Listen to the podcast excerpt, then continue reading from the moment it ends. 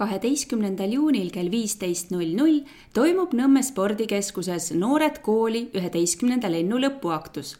lõpetajad ootavad teid vabas riietuses ja sportlikes jalanõudes, sest pärast aktust jätkub üritus Nõmme Harku terviseradadel haara kodust kaasa ka nutiseade ja kõrvaklapid, et rada läbides kuulata taskuhäälingu Õpime koos lindistusi Noored kooli üheteistkümnenda lennu osalejate tegemistest üle Eesti. Energiat rajal jalutamiseks ja jooksmiseks annab kohvik Legend oma hõrgutavate terviseampsudega. Kohtumiseni kolmapäeval, kaheteistkümnendal juunil kell viisteist null null Nõmme spordikeskuses aadressil Külmallika viisteist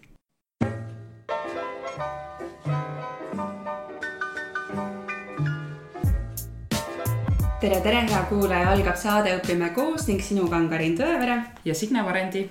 täna ajame juttu Jaak-Albert Metsoja, Reelika Heldega ja Kadri Männisaluga. tere teile. tere. tere. tere. no tavaliselt on nii, et kui ühiskonnas on midagi valesti, siis inimesed valivad kaks teed. üks on see, et nad kukuvad vinguma, teine tee on see, et nad hakkavad midagi ette võtma. Teie otsustasite liituda mingil hetkel Noored kooli programmiga. mis oli selleks elu muutvaks tõukejõuks? Kui ma alustada võin, siis äh, äh, võib-olla ma ei tabanud, et midagi on ühiskonnas valesti. et, äh, et, et kõik ausalt ära rääkida, siis ma ei olnud kunagi enne seda mõelnud, et ma tahaks õpetajaks saada.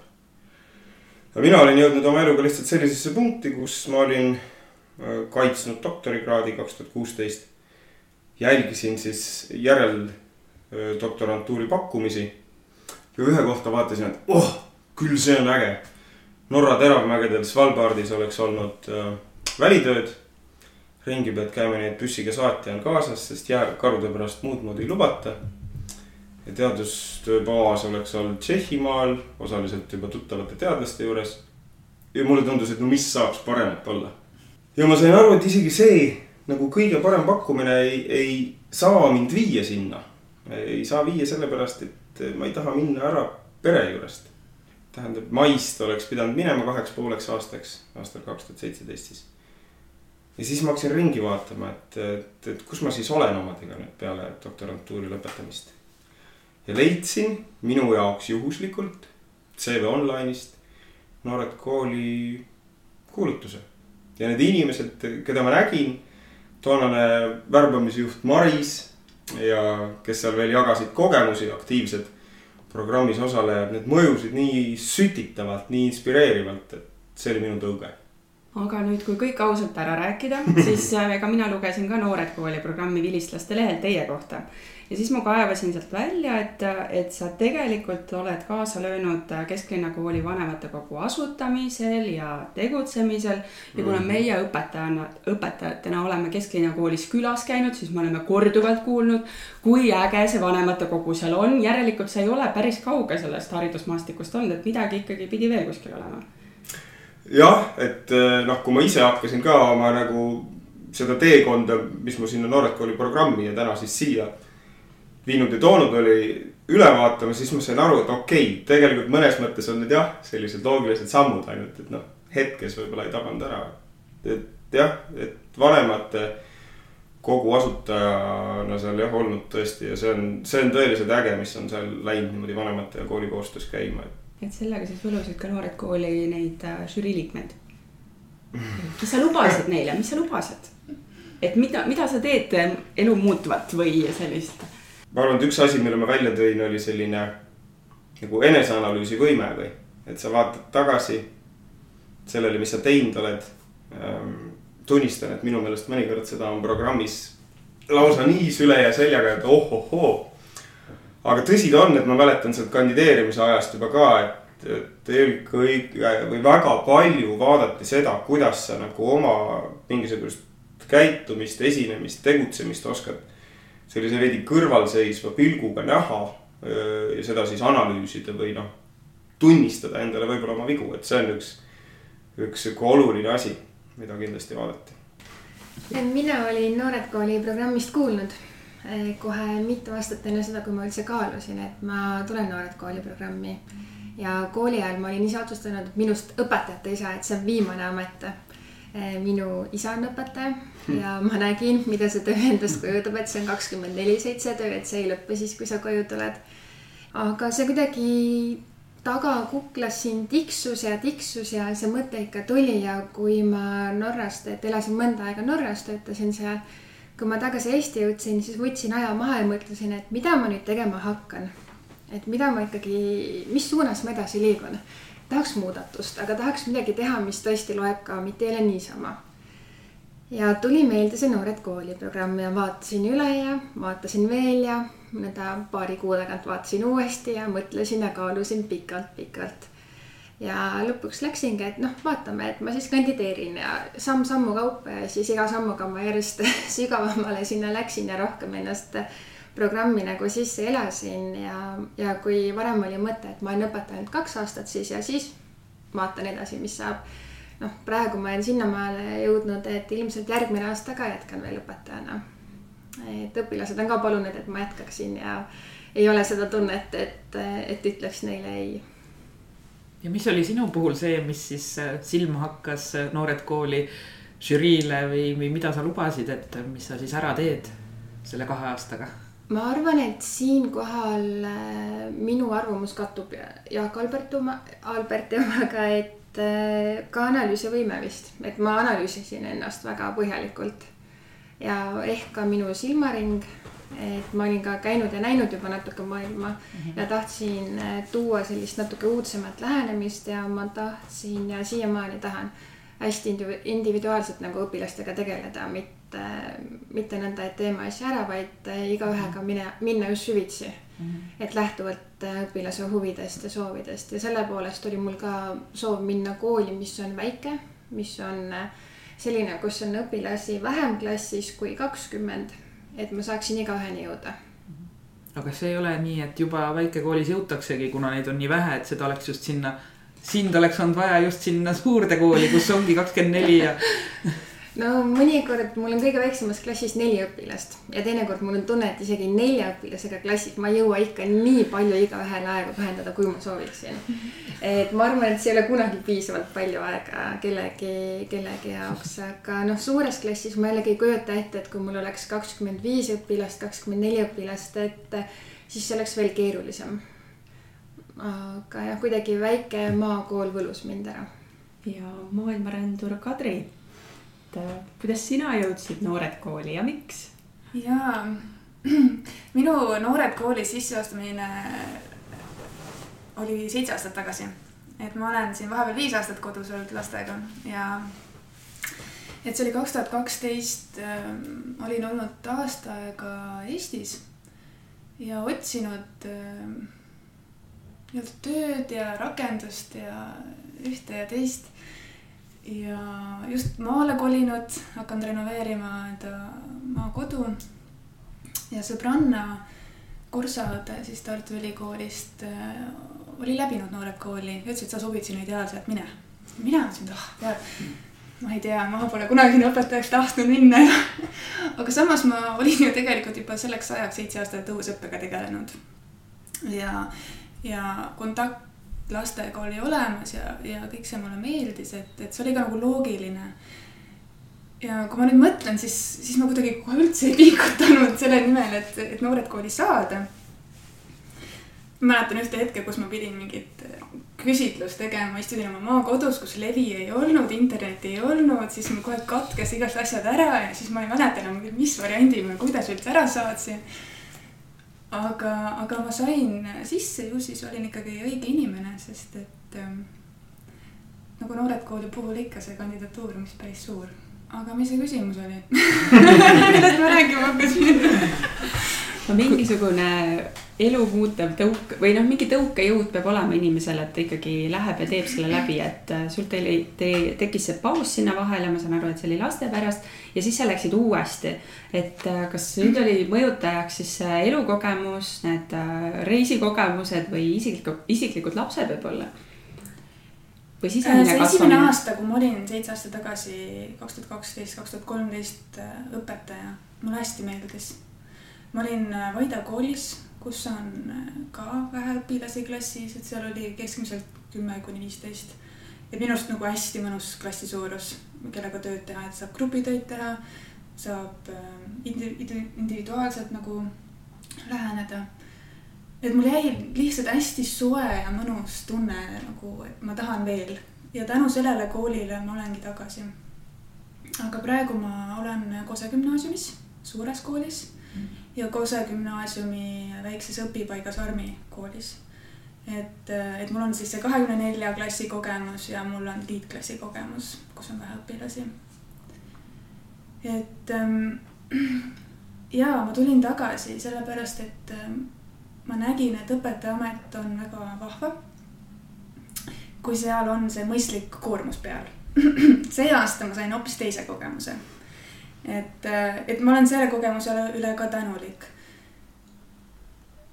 ja see kogemus ütleb mulle nüüd teisi asju natukene mida ma pean nagu analüüsima ja mõtlema, et, et ma arvan, see suvi on hästi vajalik, et, et, et lahtuks siis, et mis, mis siis sellest nüüd alles jääb et hästi noore inimesena hästi peaks nagu suunama ikkagi oma teed niimoodi, et, et, et hea õpetaja on ähm, energiat täis, rõõmus, mitte ülekoormatud äh, et jah, me oleme võimekad, aga, aga ülekoormatud võimekas inimene ei ole enam võimekas inimene, et, et seda ma tajun see aasta väga tugevalt.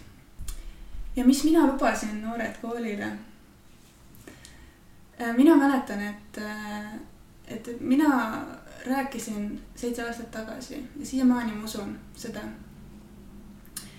Et äh, mina tahan hinnata nagu õpilaste püüdlikkust. et mitte nende tulemusi või, või, või konkreetseid oskuseid, aga just see, kui palju nad püüavad, kui palju nad näevad iseennast seal arenemas, et see ongi see nii-öelda kujundav hindamine mida noh, paljudes koolides veel ei ole. et ikkagi nad saavad neid hindeid ja, aga, aga mina ise olles õpilane nii tundsin, et ma sain nii suure nagu kahju sellest, et keegi ei näinud, kui palju üks tüdruk püüab tegelikult. et okei okay,, need tulemused ei ole viied kogu aeg. aga, aga tegelikult püüdlikkus oli kogu aeg viis. et, et mina tahan seda kooli tuua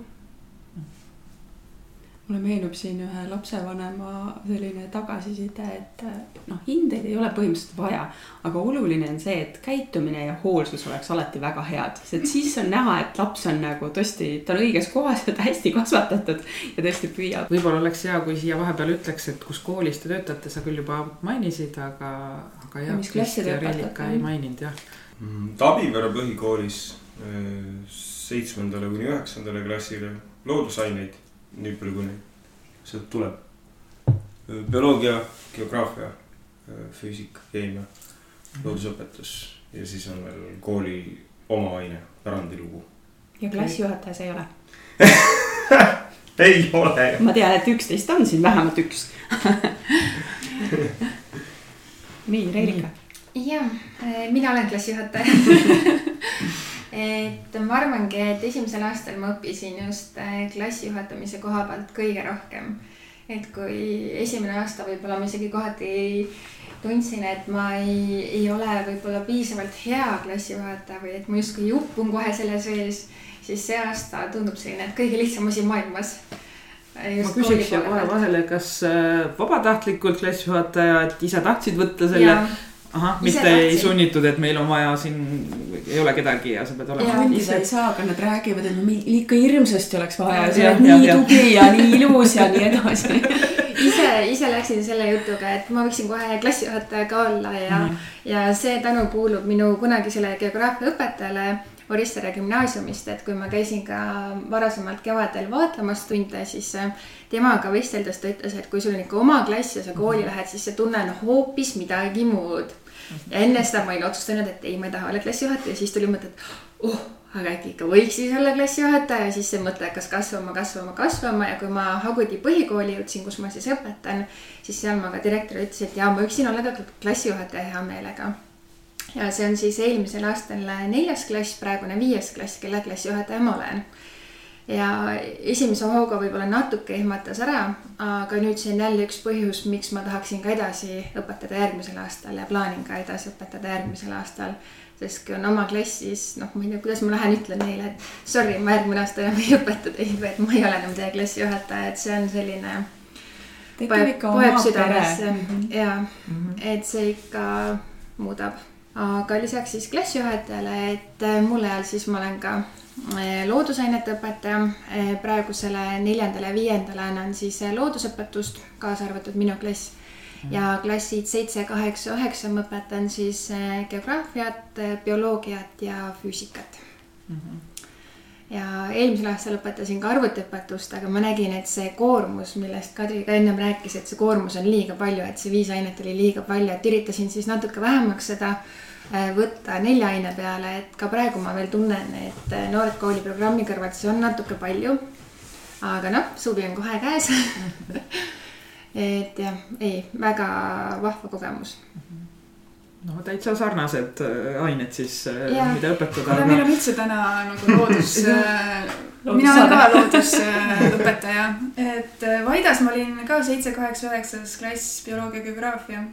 Nüüd ma olen Kose gümnaasiumis, mul on neli pala paralleeli viiendaid klasse loodusõpetust et väga tore on nagu selline paralleelide nagu seda lihtsust nagu juurde tuua, et, et siis mhm. noh, jumal tänatud, midagi ikka kordub, onju.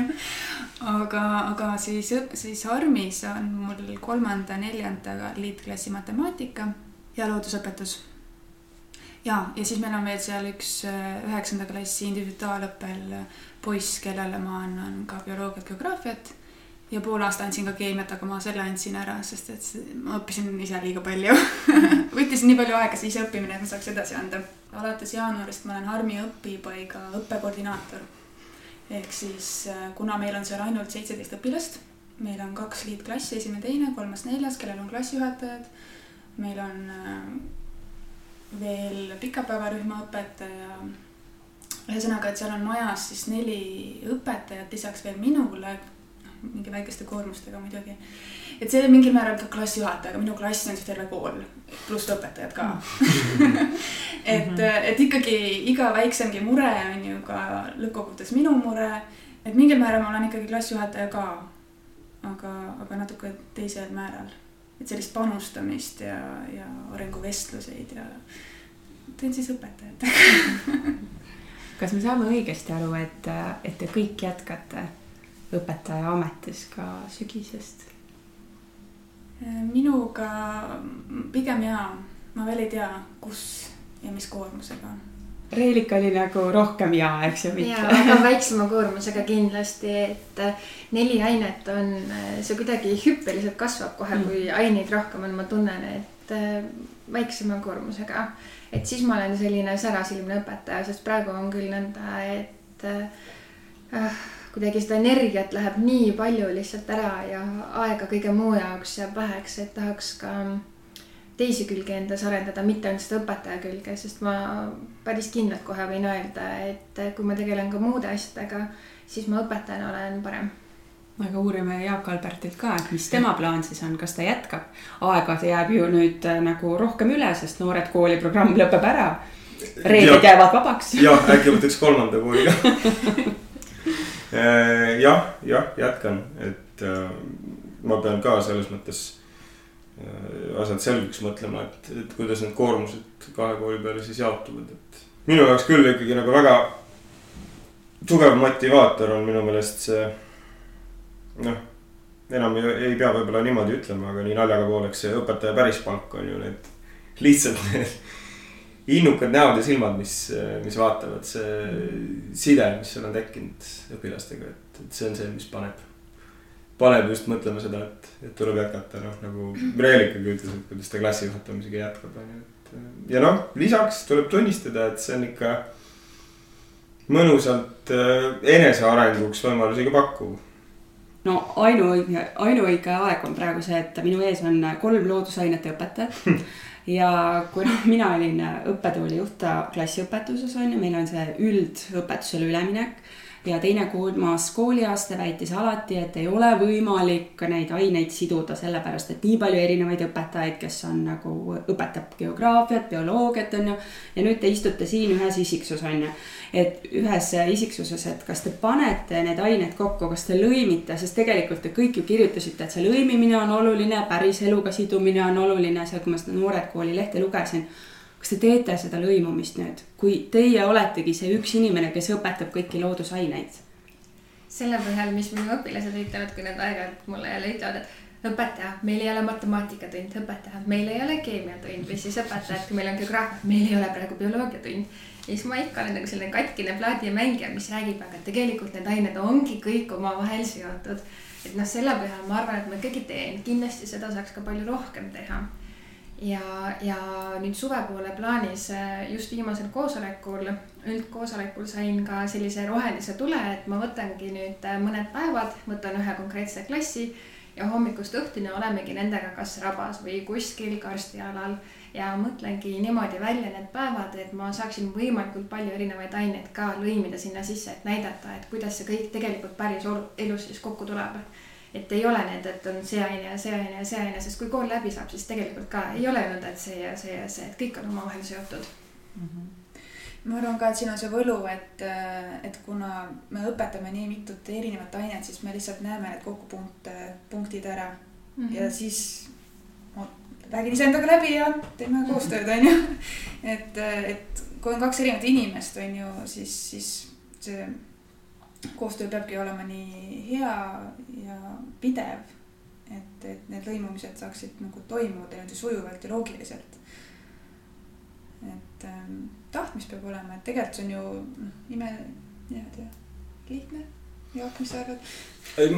jah, ma ei tea, mul need Jaak ja Albert, ma olen nende suhtes natuke kriitiline, et on jah, ühes isikus, aga kokkupuutepunkte absoluutselt, ma võin ju rääkida, on ju kõrispasmist ja siduda selle füüsikas elektritakistusega, et, et mida väiksema läbimõõduga juhe, et seda viletsamalt need elektronid sealt liiguvad. kõri peale mõelda saavad kõik sellest aru, on ju.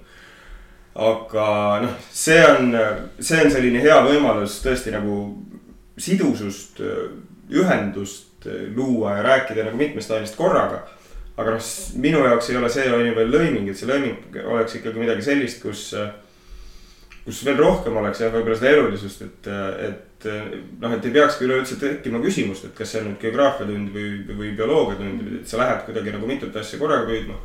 mina tunnistan, et, et ma vist ei ole väga hea peegliga suhtleja, et mulle tohutult meeldib kellegi teisega seda koostööd teha ja ideid välja mõelda, et selleks peab tõesti olema väga hea klapp. aga ma näen, et kuidas nagu fantaasia läheb oluliselt rohkem lendama, kui sa saad kellegagi niimoodi koostööd teha, et. et see on, see on natuke asi, mil noh, mis on. Kui me väikest, väikestest koolidest räägime, mis mõnikord on jällegi selline puudus, noh, et sul ei ole mitut loodusainete õpetajat mm, -hmm. et sa oledki seal rohkem üksi selles jälle pildis, et, et kui sa õpetad mitut erinevat ainet, sa lihtsalt nagu tead tuua neid näiteid, et vaadake, just õppisime seda seal, et, et see on seesama asi. aga kui sa ei tea, et nad õppisid just sedasama asja, et siis sa ei saagi seda lauset juba öelda neile. et see on juba nagu kokkupuutepunkt ja mis mina nagu näen. Et ma esimest korda õp-, õpetan nagu kolmanda-neljanda klassi õpilasi ja siis ma õpetan ka viiendat, noh, kes oli just eelmine aasta neljanda klassi õpilane. ja kuidas nad tulid siis suurde majja, onju, et et ma kuidagi kohe oskasin nagu, nagu teadsin, et kes nad olid, mida nad vajavad, on ju, et nad on ju alles tulnud sinna suurde, nad on alles need väiksed lapsekesed sealt teisest majast, on ju. et ja olles ka nagu õpetanud neile neljandas klassis loodust, et, et noh, mida rohkem ma nagu tean üleüldiselt, mida nad on õppinud, mida mm -hmm. nad mhm. hakkavad õppima ja toon seda kogu aeg sujuvalt nagu tuletan meelde, et vaadake, mäletate. eelmine aasta te õppisite seda, vaadake, nüüd on see sarnane asi, on ju, et, noh ikkagi suur eelis väikesel koolil on ju õpetaja, kus ta õpetab erinevaid asju. see on nagu sihukene noh, pidev nii-öelda meeldetuletus mm -hmm. ja mhm. meeldetuletus ongi selle kõige alus on ju, et näed, et jälle mäletate seda ja tuletame seda meelde. et jah, meeskond on samas ülioluline, mulle ka väga meeldiks seda ikkagi alut-, alati nagu arutleda teistega ka ma olen ka nõus, meeskond on ikka väga-väga oluline, et kui ma hakkasin praegu mõtlema selle Kiviõli peale, enne kui me kooli läksime, siis see Kiviõli, need nädalad, kui me andsime tunde, mis oli siis justkui nagu esimest korda veel nõnda, et eesti keelega oli väga vähe, et sellest ei piisanud, siis oli vaja ikka teisiti läheneda ja ettevalmistusprotsess oli võrdlemisi, teagi, pingeline või kuidagi selline keerukas aga see päev, kui me läksime koos õpilastega loodusesse, me sõitsime kõik need kohad enam läbi mm. -hmm. väga minimaalselt, me rohkem arutlesime, et kuidas me midagi teeme, läheme järgmine päev, lihtsalt läksime, tegime ja kõige mõnusam päev üldse õpetada seal Kiviõlis. Et see on ikka midagi muud, kui saab koostööd teha no koostöö on hea asi, aga noh, tihtipeale nagu ma ennem ütlesin ka, et need inimesed seal koolis on nii ülekoormatud, et nad ei leia mm -hmm. enam seda aega, et kuna seda ideaalset ja ägedat tundi mm -hmm. välja mõelda. noh, välja arvatud siis oma une ja pere arvelt, eks ju yeah.. aga nüüd ma küsin siis natuke teistmoodi seda, et äh, teil on praegu, no ütleme mingi seitsmes-kaheksas klass, kus nad õpivad keemiat, füüsikat äh, mis nad veel õpivad seal, loodusainet. geograafia, geograafia, eks ju, et äh, on erinevad ained tunniplaanis aga kui võtaks need ained ära, nagu ongi loodus, loodusaine, nagu selline üldnimetus, kas see muudaks midagi? ma usun küll, et võiks jah, vabalt olla niimoodi nimetatud, et tõesti noh, sa suudad selle, ma arvan, paljud asjad tehagi nagu hoomatavamaks, kui sa, kui sa kaasad, kaasad mitut asja, et. Et seal ongi nagu üks ainekava ja seal need kõik need asjad on seal sisse juba kirjutatud, et sa ei peaks seda üle kordama, et mäletate, ma rääkisin seal seda ja selles tunnis ma ütlesin seda, et nagu no mu mõte nagu liiguks nagu sinna, et see on see lõiming. Just ja mina veel võtaks sealt asju nagu välja ka. seda kindlasti väga palju, et, et mina näen, et loodusainetel võiks nagu aega rohkem juurde olla. et, et võib-olla see, kui kokkupanek on ju, annaks jällegi nagu aega juurde justkui mingi konkreetse tunni läbiviimiseks, et noh, nelikümmend viis minutit võikski olla nagu, ma ei teagi, kas siis seitsekümmend minutit või, või kui pikk siis üks tund võiks olla, et, et jõuaks nagu arutleda, sest minu arust seal on niisugune arutlemine, maailma parandamise teemad on ju ja mhm. jõuaks ka niisugust gruppi, noh, et, et, et see on ka nagu pikem protsess, et ei ole nagu mingid harjutused, et siin nagu, nagu teistmoodi minu arust natukene. et, et tuua nagu seda juurde ja just tõesti huvitav, hea mõte sinu poolt. ma ei ole niimoodi mõelnudki, et, et võiks need neli ainet nagu kokku panna. siinkohal on juba oluline rõhk ka õpetajate pädevusel. Et ei ole väga palju õpetajaid, kes on võimelised siis kõiki neid aineid ka sellisel kujul edasi andma, sellisel tasemel edasi andma ja siinkohal on kindlasti, ma arvan, meeletu roll just sellel õpetajal endal et see saab töötada, kui on väga hea õpetaja, aga see võib olla palju nukram variant juhul, kui see õpetaja ei ole tasemel. see on selline kahe teraga. kahe teraga mõõk, jah noh, kindlasti on igal inimesel on oma tugevused ja nõrkused, eks ju, noh, kui me võtame ka need loodusained, et võib-olla ma olen väga tugev geograaf, aga bioloogia ei ole minu niisugune kõige kõrgem lend, eks ju. et äh, aga noh, õpetaja kui selline ei olegi ju faktiteadmiste mm -hmm. andja, vaid tema on see, see meister, kes suunab, juhendab ja paneb need lapsed mõtlema mm, -hmm. arutlema, eks ju, et ma ei peagi olema kõiges ju sada kakskümmend protsenti. Aga noh, võime ikkagi seoseid näha, et noh, kui me võtame niisuguse märgilise teema on ju Eesti ja põlevkivi, et noh, et see, see ei ole seotud mitte ainult on ju sedimentoloogiaga, geograafia mõttes kõik need loomakesed, kes seal mhm. äh, lubjakivis on ähm,. kohe oleme sammuga keemias, äh, kaevandamise mõttes kohe füüsikas, kohe tegelikult äh, ühiskonnateadustes on ju, et noh, et mhm. tohutult kompleksne. et noh, selles mõttes peab õpetajal ikkagi väga avar silmaring olema, et neid seoseid kõiki näha, et, et, et jah võib-olla mitte jah, tõesti faktiteadmise igast vallast, aga noh, sa pead, sa pead siiski suutma ära näha, milliste asjadega see seostub, et, et kui sul mingist valdkonnast ikkagi üldse teadmisi pole, siis noh, siis see on selline sinu pime ala, on ju, et sa ei oska selle kohta midagi öelda. ja noh, siin tegelikult taas, et sellisel puhul jah, koostöö ja teiste kolleegidega koos tegemine ja ühine mõtlemine, kusjuures võib neid pimealasid oluliselt vähendada. kohe kindlasti, see metoodika on juba nii oluline, et kui ma mõtlen ka enda peale, siis geograafiat, bioloogiat ma õpita, õpetan ikka väga kardinaalselt äh, teistmoodi, kui ma füüsikat näiteks edasi annan. et aga kui oleks nüüd minnes äh, selle sinu mõttega edasi, et äh, õpetajad annaksidki enam-vähem seda kõike koos, aga kui on mitu erinevat eksperti, kellel on kõigil oma need tugevused, siis saaksid need pimealad ka kõik kaetud selle poolest on täpselt nii, nagu Jaak Albert just ka ütles, et see koostöö on nii oluline, sellepärast et siis see riskitegur läheks tunduvalt väiksemaks. et võib-olla mingi valdkond jääb lihtsalt sellepärast katmata, et ei ole ühel inimesel seda pädevust, aga kui sul on juba neli eksperti mitmes valdkonnas, siis mm. väga vinge mõte, noh, võiks teoks teha. et siin lihtsalt tuleb meelde, peab tunnustama ju Tartu Ülikooli teaduskooli, sest nende loodusainete olümpiaad mulle lihtsalt sattus eelmise aasta oma kätte. ma lahendasin seda millelgi mõnuga, kui mul oli niimoodi aega. nimetage siis prokrastineerimiseks või mitte loodusteaduste olümpiaadi lahendada, aga noh äh,. äge näide äh, või nii-öelda juhtumi analüüs oli siis näiteks Saesaare pais äh,. Äh, Ahja jõel siis, eks, taevaskojad ja see järv seal, kus äh, Lonni sõidab ja noh, kõik me võiks, siin on kohe juba. et siin me peame hakata rääkima, tõesti läheb nüüd juba siia ühiskonnateaduste valda ka, aga noh, elektrijaam äh,, kõrguste vahe on ju veeenergia, elektrienergiaks ringi, palju majapidamisi saaks sellest energiat. Järgmine kompleksne teema sellega seotud, vot, aga nüüd matemaatika kohe, et, et see on, oletame, et see on võrdaarse kolmnurga kujuga Äh, kolmnurgaga seotud kõrgusarvutused, et kui me alandame, on ju veetaset, kui kiiresti võib, et need karbid, kes seal on, ei jääks kuivale. noh, elust võetud näide, sest juhtus nii, et nad jäid, on ju. ja noh, bioloogia teadmised kohe, okei okay,, jah, neid oli vähe. karbi mingi liikumiskiirus oli lihtsalt tekstis antud ja, aga noh, et nii šef, kuidas on võimalik siis sellise noh, ka ühe juhtumi analüüsi põhjal äh, tõsiselt palju erinevaid äh, ainevaldkonna teadmisi sinna sisse võtta. ja reaalselt asjad niimoodi käivadki, et pärast seal on ju kuskil seal Hendriksonis istub tegija, kes on ju kalkuleerib välja neid, et äh, keskkonnamõju hindamise raames, et noh, mida me siis tegema peame ja kui kiiresti me võime selle järve tühjaks lasta.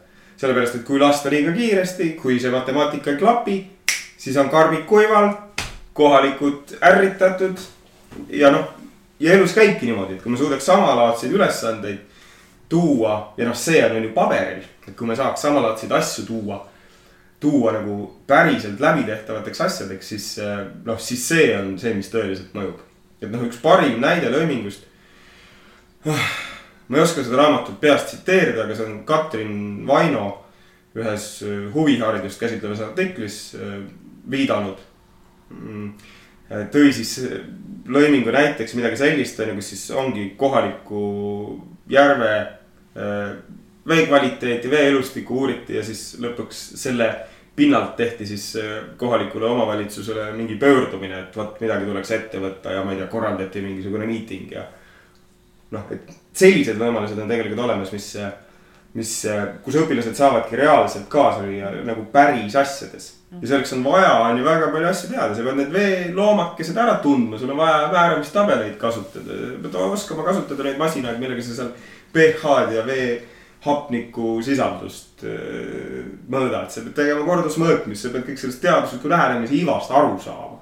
et sa ei saa nagu lihtsalt suvalist mulli puhuda ja, ja noh, need on nii ägedalt sellised rakenduslikud asjad, mida, mida oi, kui oleks tore, kui saaks rohkem tuua kooli sest õpilased tahavad ka teada, et nad teevad seda ikkagi millegipärast, et see ei ole niisama mm. -hmm. sellel on mingisugune eesmärk, et see on põhjusega mm. -hmm. et jah, siis on kohe see lähenemine ka teine, see emotsioon on seal taga hoopis teine, energia seal taga on teine.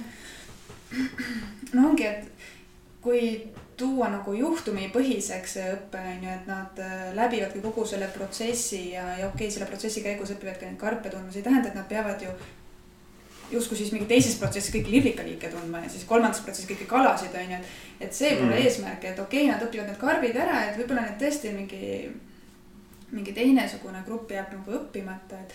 et äh, mida me praegu veel õpetame, siis me õpetame kõiki neid gruppe mingi, mingil mm. määral on ju. et, et võib-olla need loodusainete asjad võiksidki olla nagu kokku pandud ja ja lähtepunktiks ongi siis just sellised nagu juhtumid või nagu projektõpe on ju, mhm. et meil on nagu teema, kus on käsitletud väga palju erinevaid, noh, ongi matemaatika on ka sees mm. -hmm. ja on ka liigiline mingisugune asi mm -hmm. sees ja, ja maastik on sees, on ju.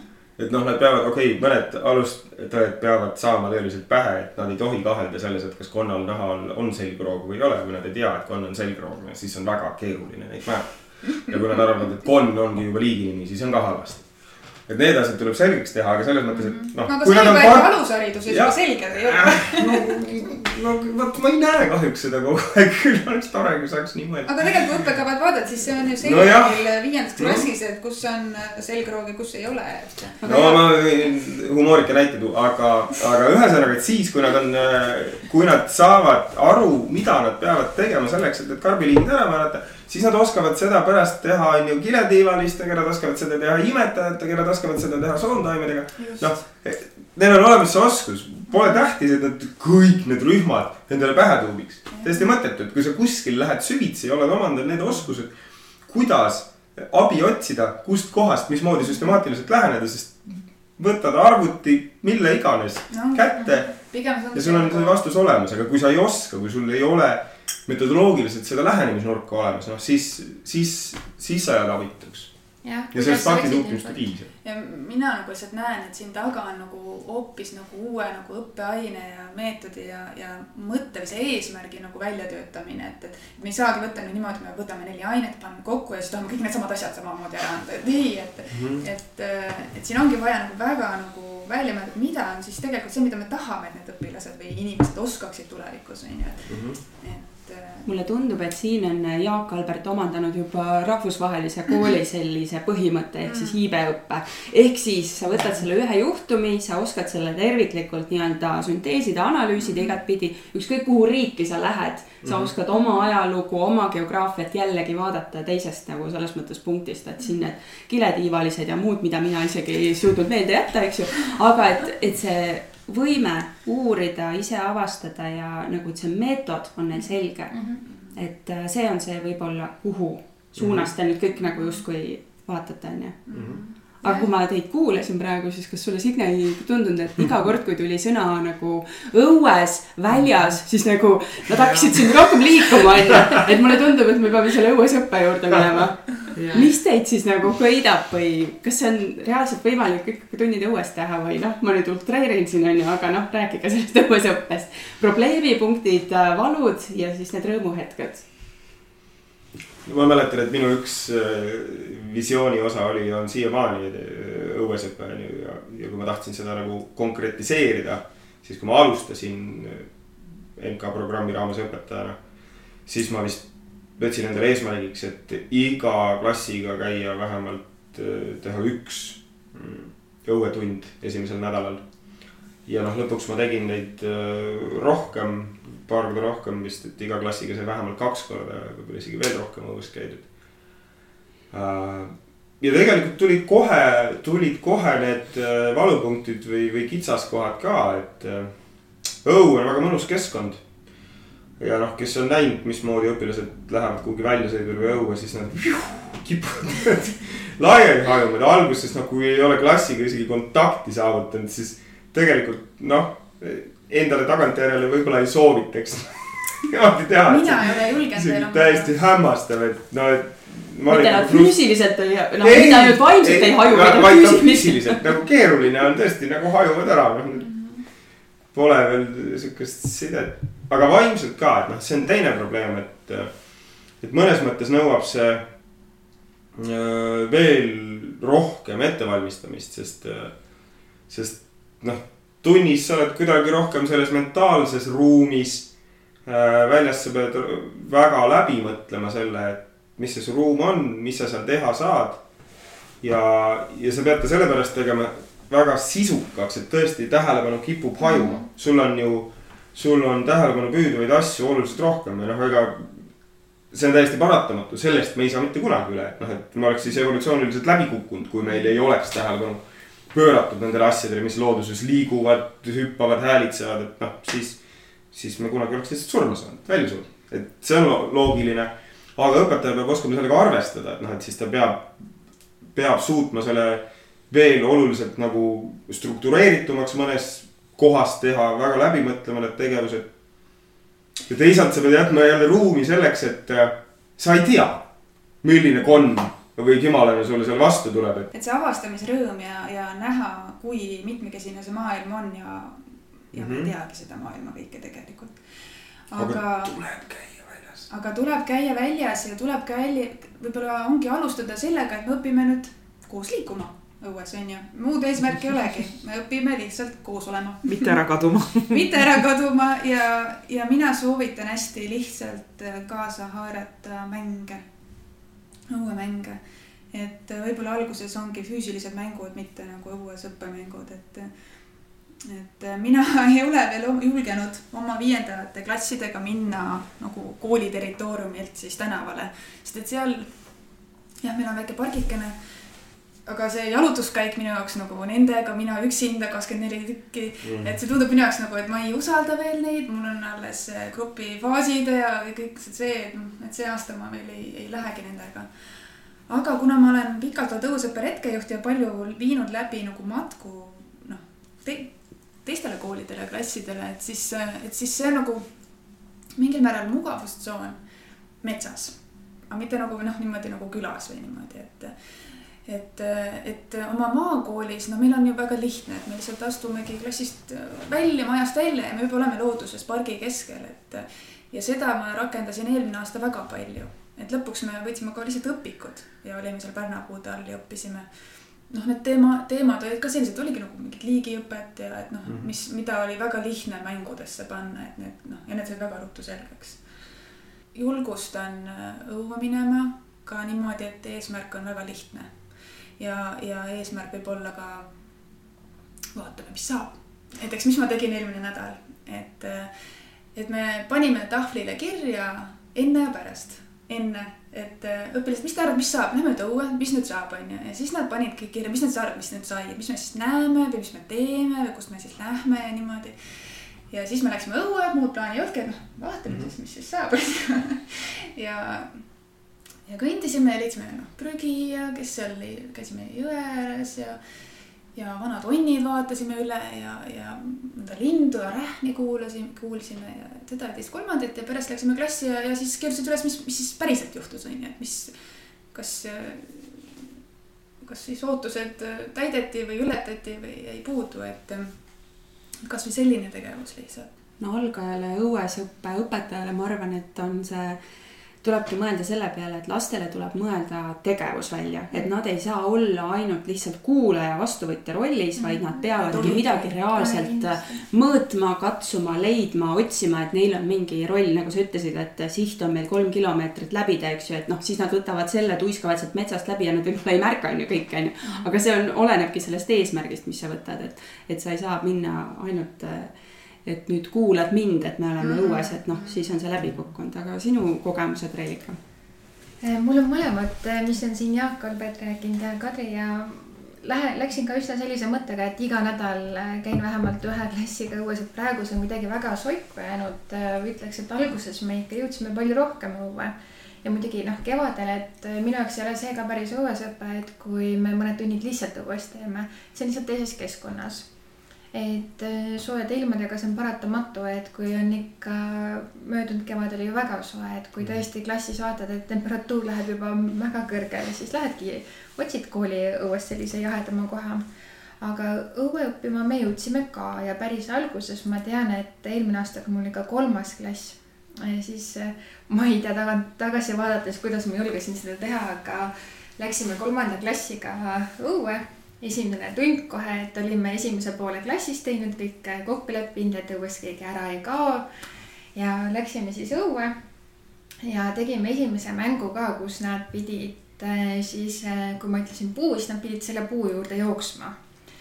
ja, ja kes siis lõpus äh, pidi mulle mõne lehe tooma, et leppisime kokku, et võtame maaslehed, et puude pealt ei hakka neid tõmbama ja muidugi siis, kes see kukkus ja põlved äh, kriimulised ja kõik sellised juurde. Ja siis ma olin pärast ikka väga ehmunud, et mõtlesin, mis nüüd saab, mis nüüd saab. muidugi paar, paar kuud hiljem äh, ma sain teada, et see, kes meil kukkus, oli isegi meie kooli direktori poeg ja tema oli, oh muidugi kukuvad, lapsed kukuvadki, et see käib asja juurde.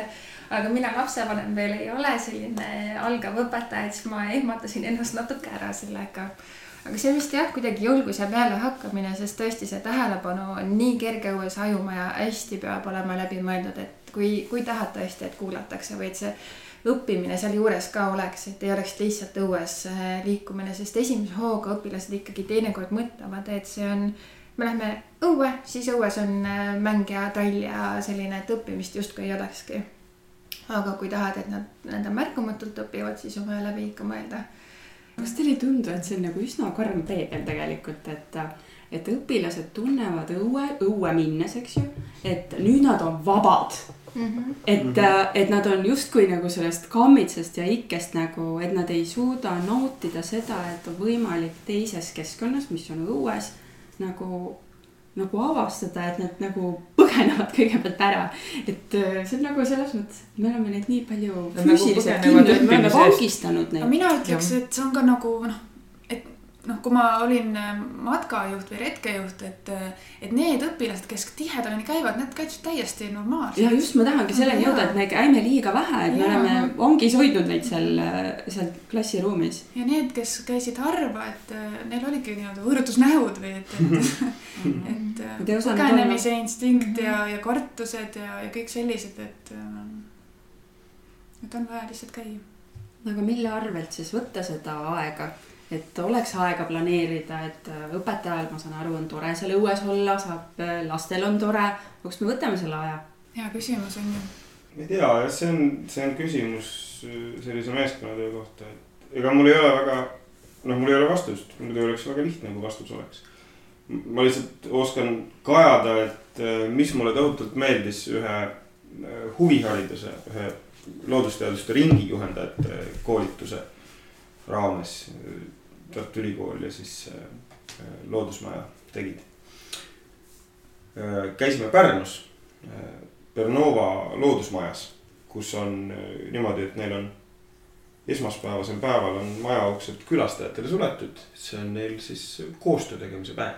kus nad sisustavad oma programme, teevad kolleegidega koostööd ja mõtlevad välja neid uusi asju, mis nad teevad kirjutavad projektitaotluse mis seal vaja on, et no see on huviharidus seal on sellised võimalused, et, et äh, äge oleks, kui koolides ka midagi sellist oleks. aga teile, teie kursusel on erinevad, äh, erinevad inimesed, mõni õpetab linnakoolis, mõne, mõni õpetab maakoolis, suured-väiksed klassid. kas see ajamõõde, ajafaktor on maakoolis ja linnakoolis totaalselt erinev või on midagi sarnast ka? Kas maakooli õpi-, õpetajatel on justkui nagu, justkui oleks nagu rohkem aega, sest sul on vähem lapsi, sinu mets ja park on kohe sealsamas, sa ei pea sõitma kümme kilomeetrit, on ju. siin on jälle see, et on rohkem erinevaid aineid juures mm, -hmm. mis on tohutu koormus. sa oled suures koolis, sul on võib-olla tõesti neli para-, paralleeli, samad asjad, sama teema, et tohutu ajavõit jälle suures koolis on ka rohkem, rohkem inimesi, kes täidavad erinevaid ülesandeid, mis väikses koolis peab siis kas direktor, õppealajuhataja ja õpetaja ise enda peale võtma. et ma ütleks, et äh, maakoolis ja linnakoolis ikkagi need ülesanded, nad tasakaalustavad ennast üsnagi hästi ära. ja see aja erinevus tuleb ikkagi inimesest endast. et et eh, kuidas keegi tunde ette valmistab, kui palju ta väljaspool kooli tegelikult eh, mõtleb läbi, kuidas ta mida teeb, tihtipeale see õpetaja töö ei olegi nõnda mõõdetav, et mitu tundi. et muidugi ühte osa ma võin sellest mõõta, aga jah mm,, ma ütleks kindlasti, et kui on rohkem aineid, see on eh, meeletu lisatöö, mis sealt nagu nähtamatult juurde tuleb et eh, kasvõi see, et sa mõtled, kus kohas sa nüüd mõne teemaga järjega oled, sest neid teemasid on nii palju. sest sul on juba neid aineid palju, siis on klasse palju, teemad ka kogu aeg muutuvad, et. et see informatsiooni hulk, mida on vaja pidevalt kaasas kanda, et see on kindlasti suurem, et täitsa vahva oleks, kui annaks ühe tunni ja siis sama teema kohta annaks B-le, C-le ka veel sama tunni, et oleks vahva. see on tõesti vahva, sest esimene tund on sihuke kehvake ja viimane on juba, oh kuule, päris hästi juba andsin seda. et. Äh, et saad täiustada kogu aeg seda tundi ja lõpuks. kohe tunnis täiustan ära, parandan ära ja, ja. ideaaltunni valmis ja saaks ka õppematerjali välja anda ja juba kõike sinna juurde teha aga jah, kindlasti õpilasi on jällegi siis rohkem, töid, mida parandada on rohkem, mina olen see aasta suure sammu teinud, kui varem mul oli selline suur ports selline mapi täis neid töid tassisin kaasas, iga vaba hetk parandasin, siis nüüd ma olen väga palju läinud elektroonilisele tagasisidele, kus ühe osa juba Opiq keskkonnas saab seda õnneks teha, et ühe osa arvuti ise kontrollib ära. et see on minu töökoormust selle koha pealt parandada, mida õpilased tegelikult tahavad ka, nad tahavad kohe teada saada, kuidas neil see läks ja ma näen, et kui nad saavad kohe üle enda töö vaadata ka, et teatud kohtadesse ma lisan kommentaarid juurde ja siis nad saavad ka selle vahetu selle, et ahah, okei okay,, see ja see ja see. ma usun, et siis see on parem, sest kui see tuleb kaks nädalat hiljem, siis ta vaatab ainult tulemust võib-olla teinekord. ehk siis ajafaktor tundub, et on, on sama, vahet ei ole, et maakoolis lihtsalt märgatakse selle õpetaja puudumist teravamalt kui võib-olla linnakoolis siis. sest kui õpetaja on õpperetkel mõne klassiga, siis. Lihtsalt ei ole teda, eks ju, et linnakoolis on võib-olla paralleelklassi õpetaja saab aidata. ja see ongi minul, miks ma näen, et kõige raskem on õpilastega välja kuskile minna, sest ma mõtlen kohe järgmise ülejäänud viie tunni peale, nelja-viie tunni peale, mis ma sama päev peaksin tegema. aga mis siis nendest tundidest saab ja kõik see ära mõelda välja, et noh ma pean ka teistega arvestama ja ei ole nii lihtne, samas ma ei taha seda lisakoormust anda ka ülejäänud õpetajatele, kes siis need tunnid peaksid see hetk võtma väikeses koolis ei ole kedagi, kes läheks, annaks minu eest siis füüsika, matemaatika või siin räägin matemaatikast, ma hakkan juba matemaatikast rääkima. aga füüsika, bioloogia, geograafia tunnid annaks ka siis ära, et eh, jah, üht-teist saab teha, aga see on jällegi justkui ma ei tea, isegi topelt või kolmekordse töö tegemine siis selleks päevaks. siin on võimalus kogukonda kaasata siis, head suhted lastevanematega, et mõni lapsevanema võib-olla siis saab tulla appi, vähemalt meie oleme siin maakoolis seda rakendanud. üks eh, väga tore lapsevanem on mul käinud kaasas reisitel. -hmm mm. -hmm. Aga et noh, tunde kaasendama, et miks mitte mhm. tuua nagu täiesti kooli väljastpoolt kedagi ja kasvõi täiesti hoopis mm -hmm. teist teemat on ju rääkima või oma mm, -hmm. oma asju, et et maakoolides on niisugust nagu loovat lähenemist, vähemalt see, mida mina nüüd näen selle pooleteist aasta jooksul on nagu tohutult rohkem, et, et et suures koolis ma olen õpetaja, punkt. ja väikses koolis ma olen kõik koristajaga ja huvijuht ja direktor ja. lisaks avaliku elu tegelane, ma kujutan ette kogukonnas.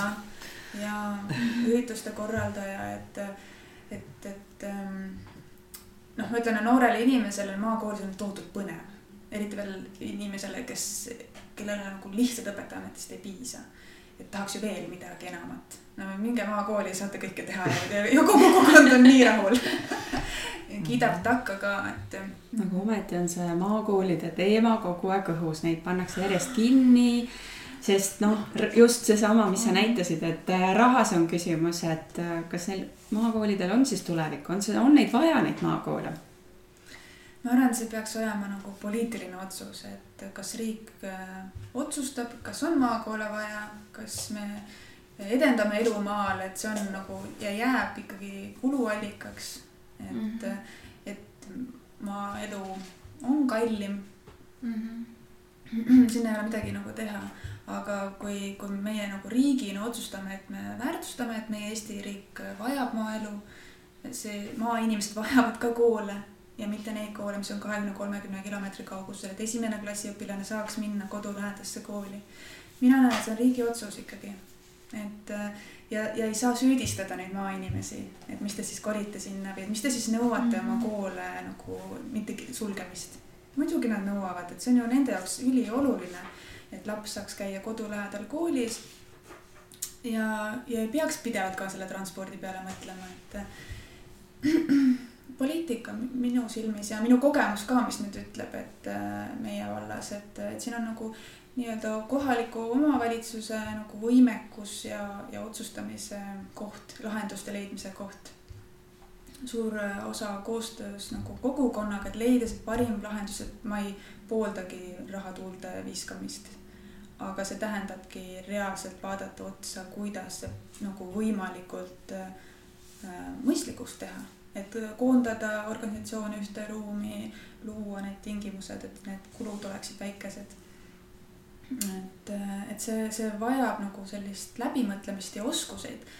ja, ja aina rohkem tulles siia maailma, ma nagu näengi, et, et nagu puudusi on nagu just nagu juhtides, heades nagu juhtides, kes näevad neid lahendusi või, või viise, kuidas tuua sellist nagu uut mõtlemist, et nii direktorites kui ka kohaliku omavalitsuse hariduse osakonna seal pole osakonda, see on haridusinimene, haridusnõunik või siis abivallavanem, kes siis tegeleb sellega.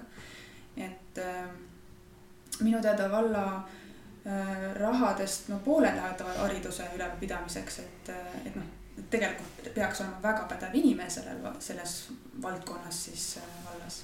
aga tänapäeval ma ei, ma ei tea, kui paljudes valdades ongi haridusnõunik olemas.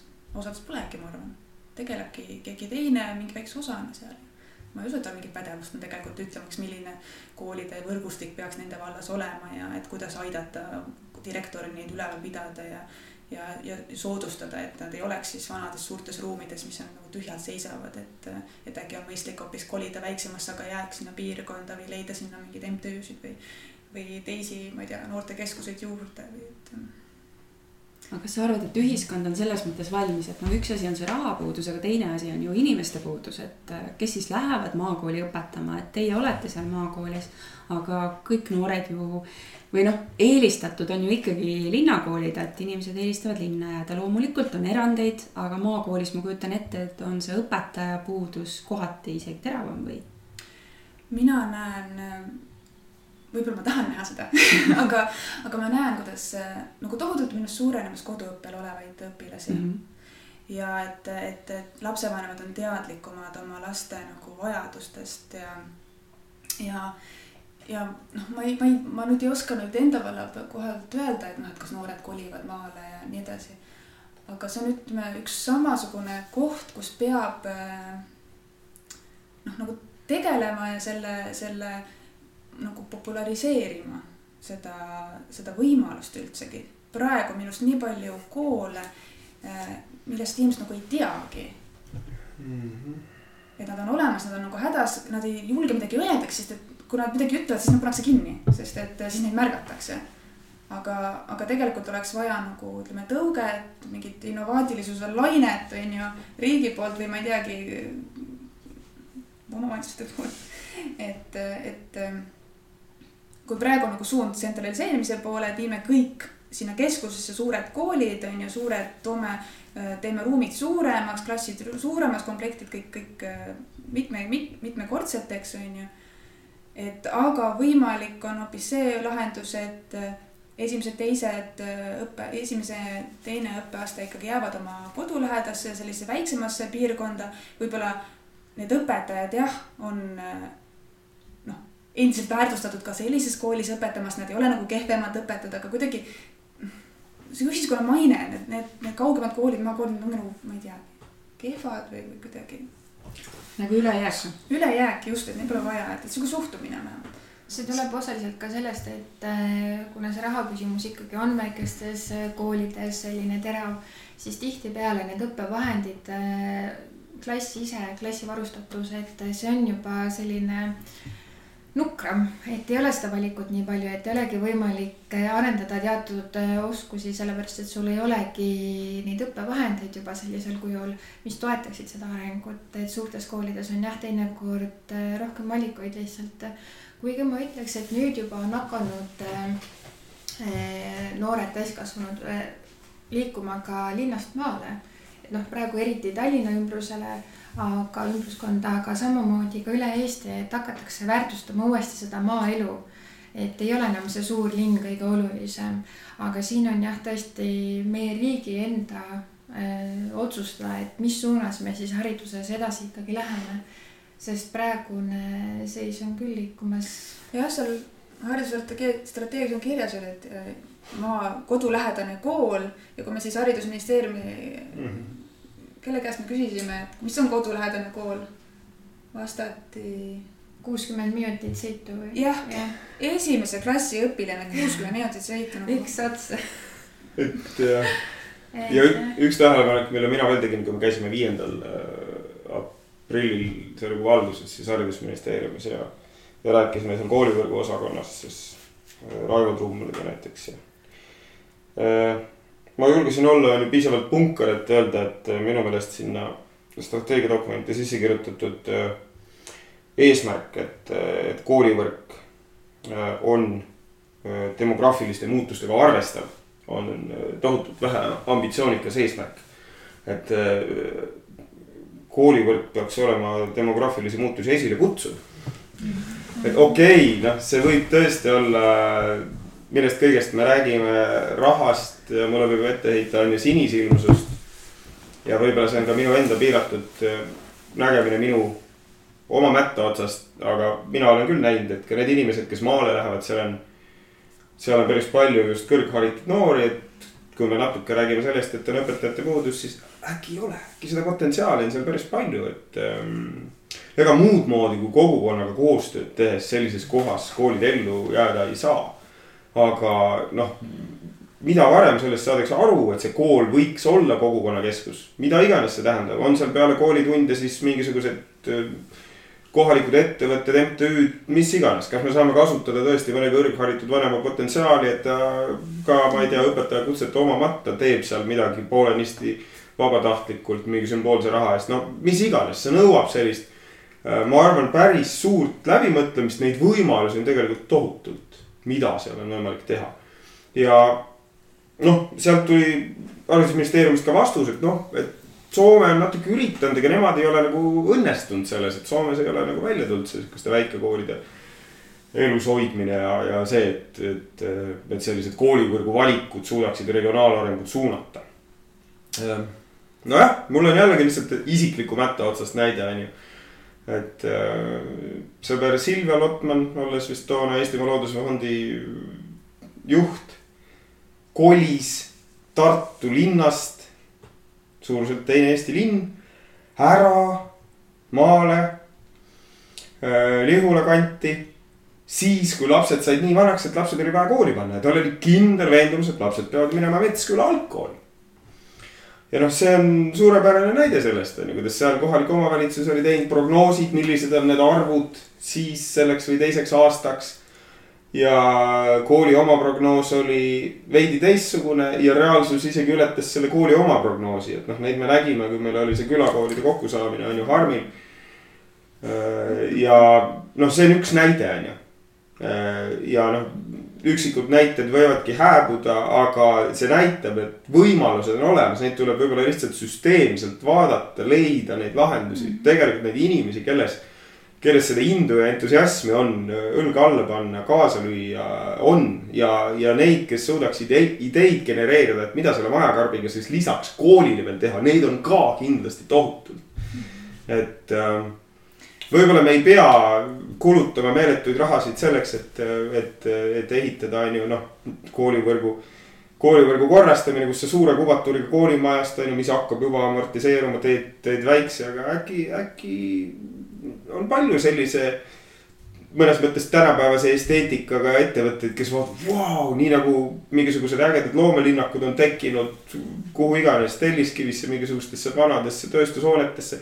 võib-olla need nõukaaegsed koolimajad äratavad kellestki samasuguseid tundeid, oh kus siin teeks oma äh, startup'i ja mm, -hmm. ja mis kõik paneks püsti, et. siis tööl käimise mõte hakkab muutuma tänapäeval, enam ei ole see, et sa oled kuskil suures linnas, lähed hommikul kontorisse, tuled õhtul tagasi. nii palju juba tehakse kodus tööd ja ei ole vaja olla enam suurtes linnades ilmtingimata mm. -hmm. et noh, neid võimalusi tuleb juurde, et samamoodi võiks siis ikkagi jääda koolidel ka ikkagi rohkem valikut, et kuhu sa paned enda lapsed kooli, et ei ole ainult üks valik või siis kaks valikut, vaid et sul ongi. just, mida ma enda valla puhul nagu näen, et, puuduvad nagu alternatiivid, et ei ole lähedal.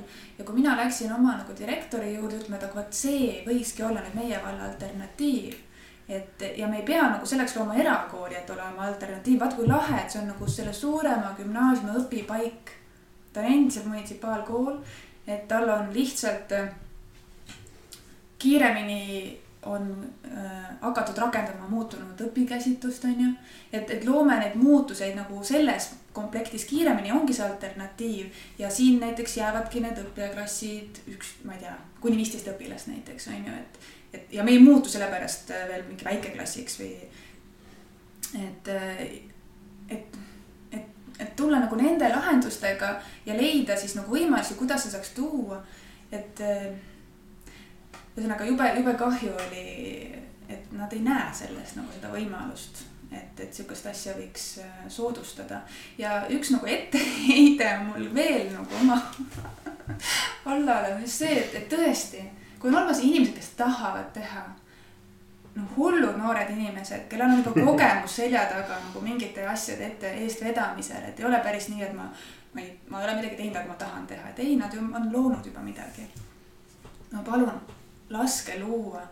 andke võimalusi, et okei okay,, ärge andke raha, nad ei tahagi raha, nad tahavad et nad, et te lubaksite, et ei paneks kinni, vaid lubaksite luua, andke aega näiteks, aega tõestamaks, on ju aga kas siis midagi sellisel tavaõpetajal, teiesugusel ambitsioonikal õpetajal on üldse midagi ära teha või, või sa ütledki, et poliitika ja kõik, siis milleks pingutada? ma arvan, et isegi kui ma ei ole nagu konkreetselt äh, saanud oma tahtmist, on ju, siis läbi oma selle surkimise, läbi selle, et, et ma puudutan neid kohti ja käin ja taon seda ust, on ju, või, või võib-olla mitte konkreetselt mina aga, aga mina koos oma kolleegide või, või kogukonnaga või need, kes usuvad seda visiooni või usuvad sellesse tulevikku või, või tahavad oma lapsi sellises keskkonnas kasvatada ja näevad, et tegelikult neid tulijaid oleks juurde, kui siin oleks natukenegi stabiilsust toodud, on ju. et. Ähm, see kindlus, et see ei muutu ühel hetkel, eks ju, kuidagi teistsuguseks. et, et see surkimine on nagu kasulik äh, noh, arenguteks on ju, et võib-olla meie kaotasime, aga äkki järgmised võidavad ja noh, ei no, et siit on ju tegelikult selles mõttes juba mingisugune kandepind või platvorm äh, välja koorunud selle külakoolide algatuse näol, et tegelikult on ju olemas mm. ringkond inimesi, kes äh, ka internetis on leitavad ja nähtavad ja, ja noh, mida rohkem sarnaselt mõtlevaid inimesi koos on, seda seda suurem tõenäosus on mingisugust potentsiaali rakendada ja, ja, ja ka selleks, et teatud juhtumitel siis asjad lähevad paremini, kui Harmis on läinud. ja, ja ma tahan veel nagu, mis mina näen, mis selle aastaga on toimunud, vähemalt mul on tunne, et see on, et ma olen näinud, et, et meie nagu, meie lähedal olevad koolid on nagu aktiviseerunud, et näinud, et, et ohoh, et mingi sõda on meie vallas haridusteemal, et, et, meie peame ka ennast paremini nagu pingutama, et ikkagi meie lapsed jääks meie kooli alles, et, et, et seda konkurentsitunnet oleme tekitanud naaberkoolidel, et nemad peavad ka arenema. Aga ma tahaks tulla nüüd tagasi selle juurde, et ennem Kadri tõi siin toreda mängu, et enne ja pärast et läksite õue, et teeme teiega ka, et kuidas teie olete muutunud läbi selle kahe aasta Noored kooli programmis et millised te olite enne ja millised te olete siis nüüd pärast seda programmi? mina tunnen, et ma olen nagu, kuna mina alustasin esimese aasta ju seitse aastat tagasi ja nüüd teise aasta alles nüüd. mina olen tohutult muutunud just sellel aastal. ma arvan, siin on kaasa aidanud ka see, et ma olen vahepeal ise lapsed saanud ja pere ja noh, mul väärtused on kogu aeg nagu samad olnud, kuid, kuid see, mis minuga sellel õppeaastal juhtus nii-öelda siia täiskasvanute maailma viskamine, poliitikamängudesse viskamine, juhi äh, nii-öelda vaadata seda haridust juhi rollist. Äh, et vahet ei ole, kas sa oled õppejuht, direktor äh, kohaliku omavalitsuses on ju hariduse osakonnas. et ähm, kõige selle kogemise, kõik see kogemus, mis ma olen saanud, see vajab nagu aega settimiseks ja arusaamiseks ja seda ei ole mulle nagu antud, ma võtan selle ise vägisi et jaa, sihuke nagu laks vastu nägu täiskasvanu maailmaga, et ma olen, ma olen väga hästi saanud olla laps väga pikalt. minul on äh, kohati sarnane see vastus. ma tunnen ka, et viimase kahe aastaga ma olen äh, kuidagi tunduvalt rohkem vanemaks ja küpsemaks saanud kui eelneva nelja-viie kuuega. Et selline areng on, äh, sisemine areng on olnud väga suur ja kui esimesel aastal ma tundsin, et kõik need emotsioonid, mis koolis õpetades on justkui Ameerika mäed, et üles-alla, et kõik on võrratu suurepärane siis kaks minutit hiljem tundub, et appi süda tahab sees juba murduda. et see meeletu emotsioonide tulv, et see aasta kuidagi see ei väsita või see ei jõua nagu päris minuni, et ma teen vahet, mis on nagu kool, mis on äh, õpilaste enda paha päev või emotsioon seal taga, et ja tänu sellele ma oskan palju rohkem juhendada ja suunata ja toeks olla. aga ma arvan, et jah, ma ise olen väga-väga palju kasvanud ja tänulikkus ja selline sisemine rahu on minuni jõudnud teise aastaga eelkõige. selle tänulikkuse ja sisemise rahuga võiks küll täiesti haakuda. ma olen ka mõelnud, et meeletu sihuke eneseareng on, teisalt on ka hoopis selline asi toimunud, et, et ma näen, et see noh, et milline see arengupotentsiaal nagu veel on et see on alles mingisugune algus täiesti.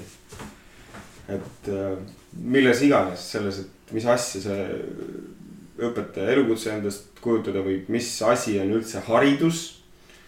et äh, see on nagu nii tohutult põnev ja paljupakkuv, et noh, kui palju on endal veel tegelikult nagu avastada ja teha. Aga õnneks teie kursakaaslased ei kao kuskile ja teie selle Noored Kooli kogukond on teil ümber ja õpetajaid ja koole toetab ju alustavaid õpetajaid to toetav kool ja tavaliselt koolides on ka väga lahedad kolleegid ja neist võib leida ka sellised eluaegsed sõbrad. Et äh, seda aega on meil kõigil vaja, on vaja aega, et inimesena kasvada, lapsevanemana me kasvame, õpetajana kasvame, et äh, aga jah, ajas me küpseme ja küpseda aitavad ka haridusteemalised podcast'id.